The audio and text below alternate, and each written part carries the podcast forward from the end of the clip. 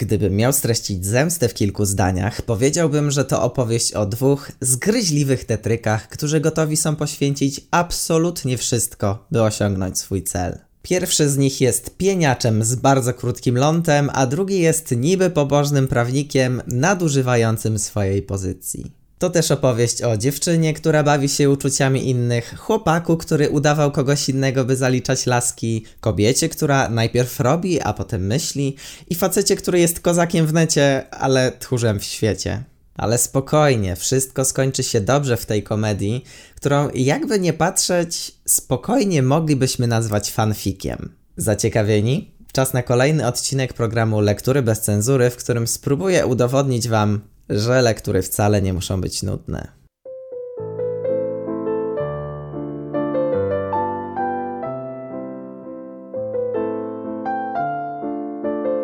Kiedy po raz pierwszy czytałem Zemstę w gimnazjum, tak, wtedy jeszcze gimnazja istniały, wydawała mi się bardzo prosta. Akcja nie była dla mnie jakoś specjalnie skomplikowana. Postacie były trochę karykaturalne, czasem nawet bywało zabawnie. No, taka typowa, nieangażująca komedyjka. To trochę jak z oglądaniem filmów animowanych. Kiedy jesteś kidosem, to w bajkach dostrzegasz tylko historie, postacie i morały, ale kiedy wracasz do tych animacji po latach, możesz odkryć, że są w nich pewne aluzje skierowane do dorosłych. I gdy teraz po raz kolejny sięgnąłem po zemstę, dostrzegłem tam dużo więcej sensów, których wcześniej nie widziałem. W Zemście znajdziemy kilka przeplatających się wątków. Główną osią fabuły jest spór o zamek pomiędzy Cześnikiem i Rejentem, czego dobitnym przykładem jest bitwa o mur graniczny, natomiast wątkami pobocznymi są miłość Klary i Wacława, plany matrymonialne Cześnika, dzieje Papkina oraz intryga Podstoliny. Ale po kolei. Na początku dramatu dowiadujemy się, że Cześnik zamierza się ohajtać, ale jeszcze sam nie wie z kim – Rozważał Hannę Czepiersińską, którą po zmarłym mężu nazywano Podstoliną, oraz swoją bratanicę Klarę. Tak, ja wiem, że to były inne czasy i wtedy to było normalne, no ale wyobraźcie sobie dziewczyny, że ten wasz obleśny wujek już nie tylko chce was brać na kolana, ale też zamierza się z wami ożenić. Na szczęście Cześnik zdecydował się poślubić Podstolinę. Oczywiście nie ze względu na jej urodę czy cechy charakteru, ale ze względu na jej całkiem pokaźny majątek. Nie zamierzał jednak sam poinformować Podstoliny o swoich planach i wysłał do niej swojego przydupasa Papkina, który był lepszy w bajdurzeniu. Jak się okazało, Podstolina chciała jak najszybciej ponownie wyjść za mąż, żeby miał ją kto w przyszłości utrzymywać, a Cześnik wydawał się być całkiem nadzianym gościem. W międzyczasie dowiadujemy się o kwitnącym romansie pomiędzy Klarą i Wacławem. Chłopak przekonuje dziewczynę, że zawiść pomiędzy ich opiekunami jest tak wielka, że nie ma szans na uzyskanie od nich zgody na ich małżeństwo, więc jedyną opcją jest ucieczka. Klara nie jest jednak w ciemię bita i wie, że gdyby oboje nagle zniknęli, przepadłby cały majątek, który miała wkrótce odziedziczyć. Rozmowę kochankom przerywa bitwa o mur graniczny. Rejent postanowił zatrudnić murarzy i załatać dziury, ale jak Cześnik to zobaczył, to nakazał swoim sługom rozgonić to towarzystwo. Wacław cwanie postanowił skorzystać z zamieszania i wręcz zmusił Papkina, by wziął go w niewolę. Po co? Wacław chciał zostać jednym ze sług Cześnika, żeby móc bez przeszkód pokryjomu spotykać się z Klarą. Raptusiewicz jednak nie zamierzał trzymać pod swoim dachem kogokolwiek, kto miał styczność z rejentem i kazał mu spadać na drugą stronę muru. Klara jednak wymyśliła całkiem sprytny plan. No przecież Podstolina miała wyjść za Cześnika, więc jak się ją ładnie poprosi, to znajdzie jakiś sposób, żeby go przekonać. No przecież nie wypada odmówić przyszłej żonie. Jakież było ich zdziwienie, gdy okazało się, że Wacław i Podstolina znają się i to nawet aż za dobrze. Tak więc podstęp spalił na panewce. Chwilę później mamy scenę z Papkinem wyjawiającym swoją miłość do Klary. Ta powiedziała, że spoko, też swajpnęłabym cię w prawo na Tinderze, ale hola hola, ja nie jestem taka łatwa. Najpierw proszę mi dać trzy dowody miłości. Milczeć przez sześć miesięcy, żyć o chlebie i wodzie przez rok i sześć dni oraz y, dostarczyć mi krokodyla. W tym samym czasie rejent Milczek przygotowywał pozew przeciwko Cześnikowi i nakłonił murarzy do składania fałszywych zeznań. Ale to jeszcze nic, bo chwilę później oświadczył swojemu synowi, że w trosce o zapewnienie jego przyszłości i mając na uwadze tylko jego szczęście, postanowił zeswatać go z podstoliną. No ojciec roku normalnie. Chwilę później w pokojach rejenta pojawił się Papkin z informacją, że Cześnik zamierza raz na zawsze zakończyć spór i wyzywa Milczka na pojedynek. A potem wbija pod stolina i mówi, że zgadza się na zaproponowane przez rejenta warunki i z radością poślubi jego syna. Jak się Cześnik o tym dowiedział, to najpewniej zamierzał wszystkich powyzabijać, ale chyba musiał stwierdzić, że to będzie za proste i obmyślił plan tytułowej zemsty. Na czym miała polegać? Otóż najpierw trzeba było zwabić Wacława na drugą stronę muru, potem pochwycić go, związać, a potem zmusić do orzenku z Klarą. Chodziło o to, że skoro rejent podebrał mu podstolinę, to Cześnik zamierzał w odwecie podebrać mu syna i natychmiast ochajtać go z Klarą. Raptusiewicz nie mógł jednak wiedzieć, że ten jeden prosty trik rozwiąże wszystkie problemy. Rejent, który jakiś czas czekał w umówionym miejscu na pojedynek, przyszedł z gębą do Cześnika i tam dowiedział się o orzenku Klary z Wacławem. Wtedy to okazało się, że cały wielki majątek Podstoliny tak naprawdę należy do Klary, która łaskawie postanowiła spłacić zobowiązania swojego teścia i dać Podstolinie 100 tysięcy, najpewniej złotych. Na koniec rejent pobłogosławił młodą parę i podał Cześnikowi rękę na zgodę.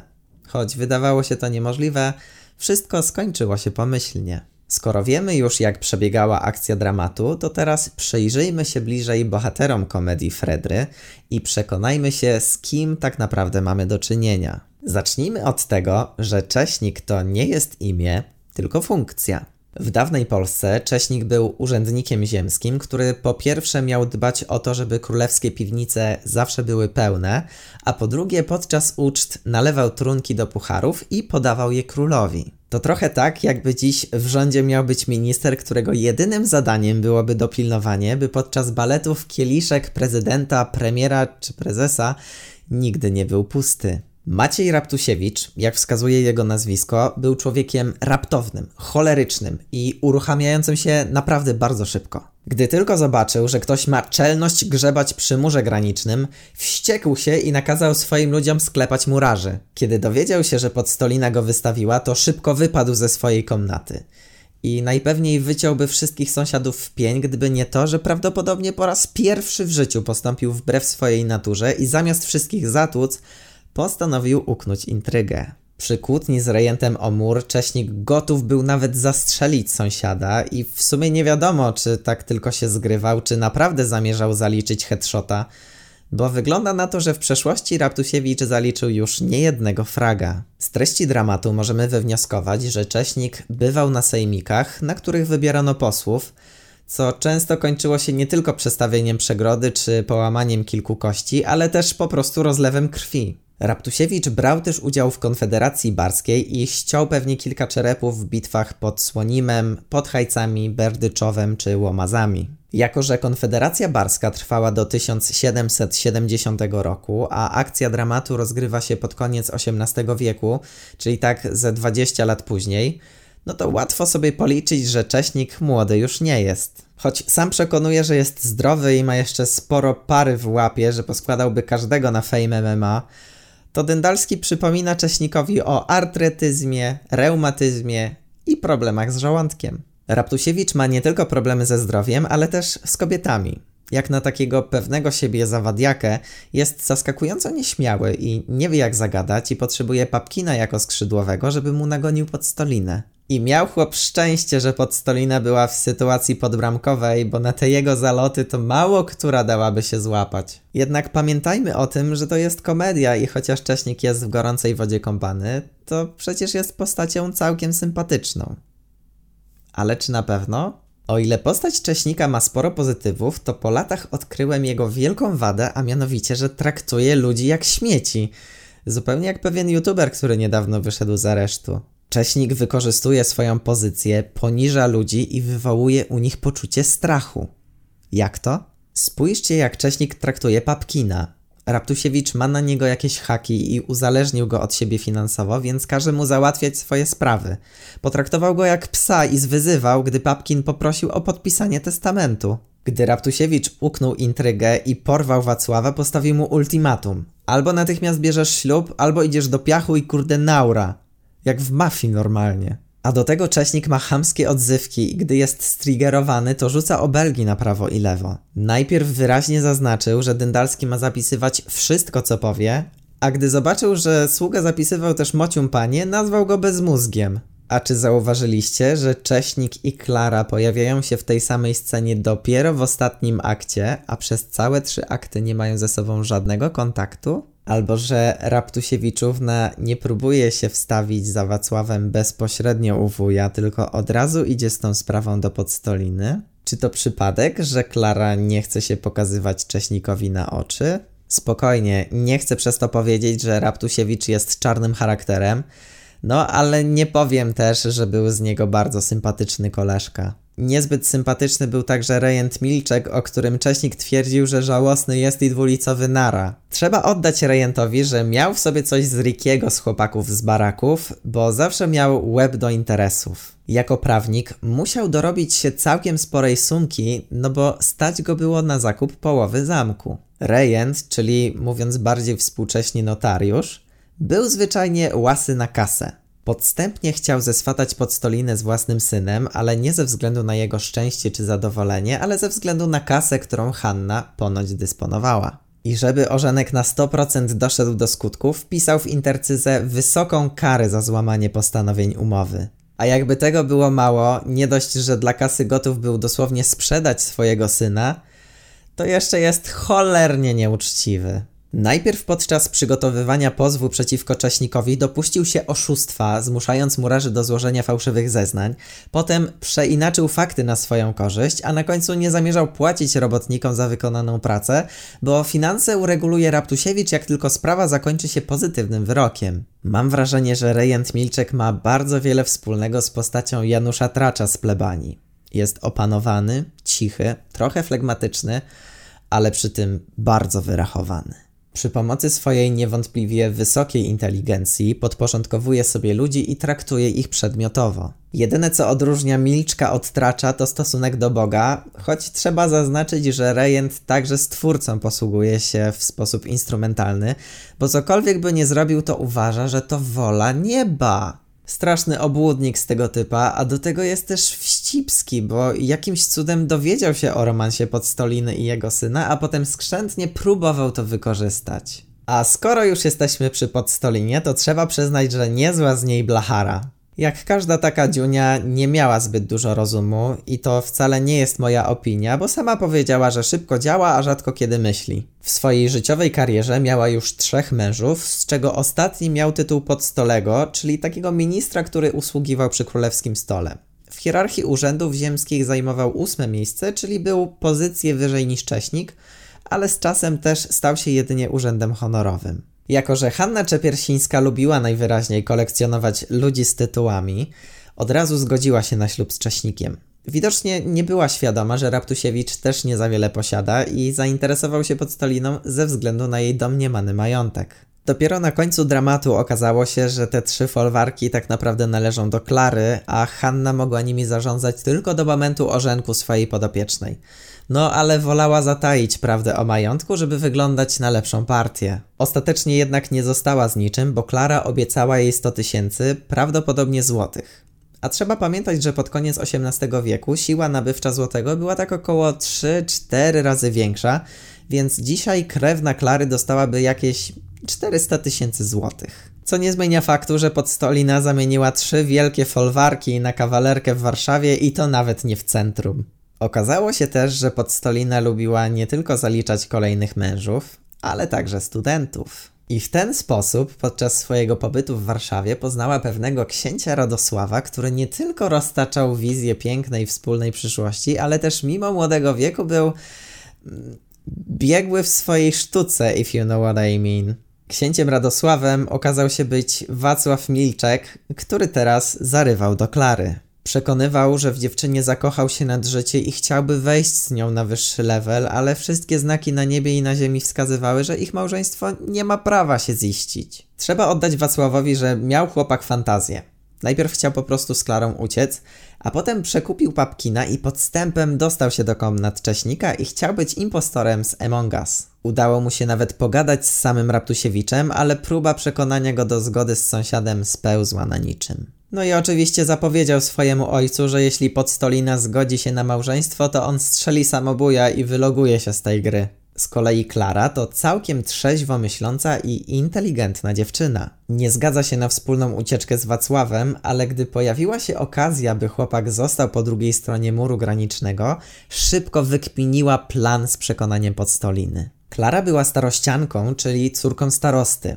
O ile Cześnik czy Podstoli to były tylko tytuły honorowe, o tyle starosta w dawnej Rzeczpospolitej znaczył naprawdę bardzo wiele i był drugi pod względem ważności urzędnikiem ziemskim. Nic więc dziwnego, że ojciec Klary był w stanie kupić sobie zamek i dać jej w posagu trzy wielkie folwarki. Możemy też zakładać, że starosta już nie żyje, skoro opiekunem Klary był jej wuj, a Podstolina zarządzała jej majątkiem. Trzeba przyznać, że dziewczyna okazała naprawdę wielkie serce, od razu oferując, że zapłaci karę za złamanie warunków intercyzy. Nie wiadomo jednak, czy zrobiła to faktycznie z dobroci serca, czy dla własnej korzyści, bo dzięki temu ruchowi zaplusowała u swojego teścia i wytrąciła mu z ręki argument do dalszej kłótni. Nie zapominajmy jednak, że dziewczyna po chamsku zabawiła się uczuciami Papkina. Zamiast powiedzieć mu, że sorry, ale mam już chłopaka, nie rób sobie nadziei, to bezczelnie wyraziła swoje zainteresowanie i postawiła trzy warunki nie do osiągnięcia.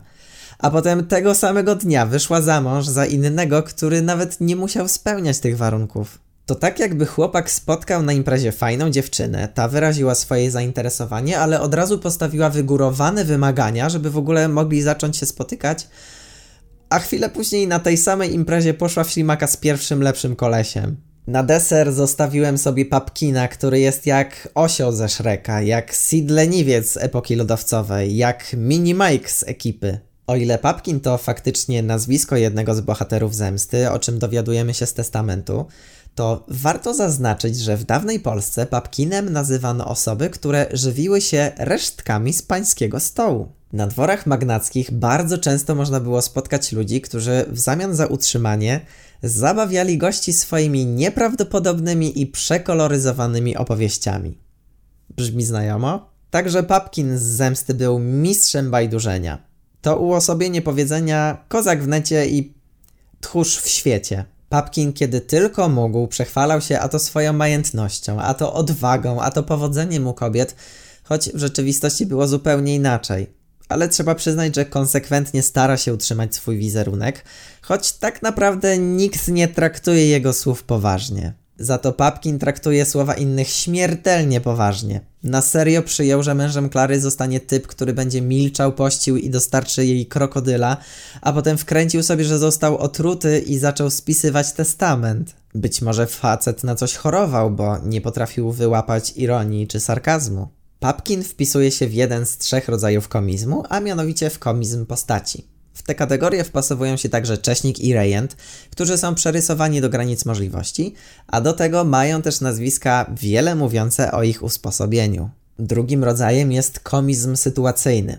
Możemy w nim wyróżnić choćby samą akcję z murem, składanie zeznań przez murarzy, czy też słynną scenę dyktowania listu przez Cześnika. Swoją drogą bardzo podobna akcja była w miodowych latach, gdy Krawczyk dyktował Norkowi list do pana marszałka i co chwilę dodawał tychamie nieskrobany. No i trzeci jest oczywiście komizm słowny, którego przykładów w dramacie jest całe mnóstwo, ale ja chciałbym zwrócić waszą uwagę na powiedzonka. Mamy więc mocium panie, niech się dzieje wola nieba, zamienił stryjek za siekierkę kijek, czy złapał kozak Tatarzyna, a Tatarzyn za łeb trzyma. Całkiem sporo tych sformułowań trafiło do języka potocznego i posługujemy się nimi nawet dziś. A teraz ciekawostka. Czy gdybyście najpierw przeczytali Zemstę, a potem Pana Tadeusza, to uwierzylibyście, że te dwa utwory powstały w tym samym roku? Ja tam bym nie uwierzył, bo w moim odczuciu dzieło Fredry jest jakieś takie bardziej współczesne i raczej wstawiałbym, że powstało co najmniej kilka dekad po dziele Mickiewicza. Jeśli macie podobne odczucia, to może to wynikać z faktu, że o ile język w Panu Tadeuszu jest podniosły, uroczysty i bardzo poetycki, o tyle język zemsty jest potoczny, prosty, wszystko jest podane wprost, bez metafor. Poza powiedzonkami mamy w niej sporo regionalizmów, partykuł i przekleństw, co dodatkowo sprawia, że odbieramy język zemsty jako bardziej swojski. Być może nie powiem niczego odkrywczego, ale prawdopodobnie powinienem to zaznaczyć, że zemsta jest komedią, a komedia jest jednym z gatunków dramatu. Jak każdy klasyczny dramat składa się z czterech części. Ekspozycji, w której są zarysowane wszystkie wątki, rozwoju akcji, tego chyba nie trzeba tłumaczyć, punktu kulminacyjnego, czyli w tym przypadku konfrontacji wszystkich bohaterów po ślubie Wacława i Klary oraz rozwiązania akcji, gdy wszystkie wątki zostają domknięte. Trzeba przyznać, że do momentu punktu kulminacyjnego wydaje się, że wszystko zmierza ku katastrofie. Cześnik i rejent będą wiecznie skłóceni, Wacław i Klara nie mogą być razem, a nawet po ich ślubie parę rzeczy mogło doprowadzić do srogiego rozlewu krwi. Gdyby wywalić te wszystkie humorystyczne aspekty i poprowadzić wypowiedzi bohaterów bardziej neutralnie, to do samego końca nie moglibyśmy mieć pewności, jak to się skończy. No ale skoro wiadomo, że zemsta jest komedią, no to wszystko skończyło się dobrze. Młodzi się pobrali, podstolina dostała kasę, a pomiędzy Cześnikiem i rejentem zapanowała zgoda, więc idealne zakończenie. Ale czy na pewno? Po przeczytaniu całego dramatu przez długi czas autentycznie nie mogłem do siebie dojść, bo rozmyślałem o tym, co mogłoby wydarzyć się dalej. Rejent, błogosławiąc młodej parze, powiedział: Niech się dzieje wola nieba, z nią się zawsze zgadzać trzeba. A potem podał rękę na zgodę. Tyle, że Milczek posługiwał się tym powiedzonkiem w momencie, gdy chciał ukryć swoje prawdziwe intencje. Niewykluczone więc, że zgoda była tylko pozorna. Poza tym rejent pokazał swojemu synowi, że ma gdzieś jego osobiste szczęście i nie wierzę, że pomiędzy ojcem i synem nagle wszystko wróciło do normy i Wacław nie będzie robił rejentowi wyrzutów. A co do Wacława, to nie zapominajmy, że Klara wciąż nie jest świadoma tego, że jej świeżo upieczony mąż wylądował w łóżku z jej krewną. Podstolina miała więc haka na młodego Milczka i mogła go szantażować tym, że jeśli nie spełni jej żądań, to wyjawi Klarze całą prawdę o ich romansie. Poza tym nie wiemy, czy Papkin naprawdę nie został otruty przez rejenta. A co gdyby się jednak okazało, że wykitował przez truciznę? I co stanie się z Cześnikiem? Przecież był opiekunem Klary i zamku tylko do czasu jej za mąż pójścia, więc został zupełnie z niczym i prawdopodobnie nawet podstolina nie będzie już nim zainteresowana. Tak, tak, ja wiem, że to tylko fikcja literacka, no ale co poradzę, że bardzo lubię książki, filmy czy seriale, których zakończenie pozostawia pole do interpretacji i snucia scenariuszy, co było dalej. W sumie to nawet ciekawie byłoby napisać fanfika z alternatywnym zakończeniem zemsty. Na pewno Fredro byłby całkiem zadowolony, oczywiście gdyby żył, bo sam był twórcą fanfików, czego najlepszym przykładem jest właśnie zemsta. Jak to? W 1828 roku Fredro ożenił się z Zofią Skarbkową, która w posagu dostała połowę zamków od Żykoniu. Przeglądając dokumenty, trafił na historię Piotra Firleja, który zajmował Dolny Zamek, i Jana Skotnickiego, który mieszkał na Górnym Zamku. Panowie nie znosili się nawzajem i dokuczali sobie jak tylko mogli. Pewnego razu Skotnicki postanowił naprawić mury wyższego zamku, ale Firley napadł na robotników i rozgonił ich na cztery wiatry. Konflikt zaognił się na tyle, że zahaczył nawet o sąd, ale nawet to nie pomogło. Spór zakończył się dopiero w momencie, gdy ich dzieci wzięły wspólny ślub. Jako, że motyw sporu o zamek był bardzo popularny w romantyzmie, więc Fredro postanowił wykorzystać i sparodiować historię sprzed lat. Nie była to jednak jedyna inspiracja naszego wesołego fanfikarza. Z postaci wybuchowego Sarmaty korzystał choćby Bohomolec, a skąpy rejent występował na przykład w komedii Trębeckiego. Obaj główni bohaterowie zemsty mieli też swoje odpowiedniki w rzeczywistości, gdyż Fredro tworzył swój dramat z myślą o dwóch konkretnych aktorach teatru lwowskiego.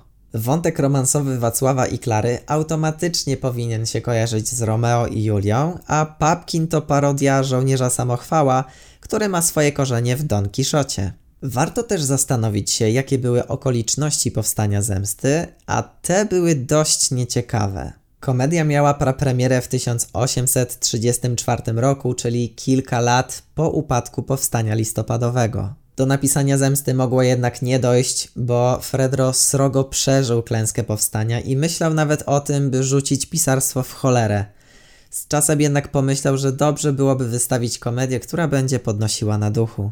I choć Cześnikowi i Rejentowi można sporo zarzucić, to nie da się ukryć, że mają oni także wspólne cechy pozytywne. Obaj są bardzo honorowi. Milczek bez wahania stawił się na miejscu pojedynku, a Raptusiewicz nie zaatakował sąsiada, gdy ten przekroczył mur graniczny i znalazł się w jego posiadłościach. Na końcu też potrafią porzucić swoje osobiste urazy i się pogodzić. I takie jest też przesłanie dramatu. Przestańcie się żreć między sobą, bo to do niczego nie doprowadzi. Lepiej się zjednoczyć, a wtedy wszystko będzie jak należy. Zaraz, zaraz, chyba mam déjà vu.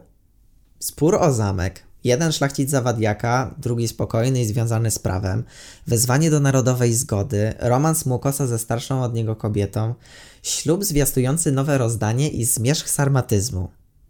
No oczywiście, pan Tadeusz! Gdyby nie fakt, że oba dzieła ujrzały światło dzienne w tym samym roku, prawdopodobnie można by podejrzewać, że jeden zerżnął pomysł od drugiego. Ale w tym przypadku najprawdopodobniej i Fredro i Mickiewicz doszli do tych samych wniosków i stworzyli dwa odrębne dzieła, które jednak mają ze sobą wiele wspólnego. Zemstę z panem Tadeuszem łączy także trzynasta księga, czyli Noc poślubna Tadeusza i Zosi, której autorem jest najprawdopodobniej właśnie Fredro.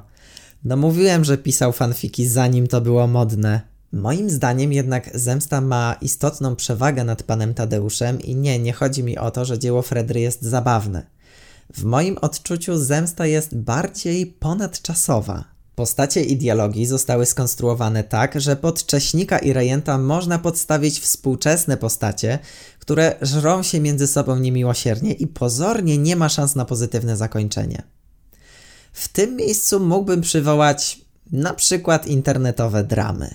Dajcie znać w komentarzach, która z internetowych dram nadawałaby się do przerobienia zemsty i która z kłócących się osób pasowałaby do roli Cześnika, a która do roli rejenta. A potem przeczytajcie sobie zemstę, bo nie dość, że ogarniecie ją w jakieś dwie godzinki, to jeszcze w paru miejscach naprawdę można śmiechnąć. Nie zapomnijcie też dać łapki w górę i zasubskrybować ten kanał, bo kolejne omówienia lektur już niebawem.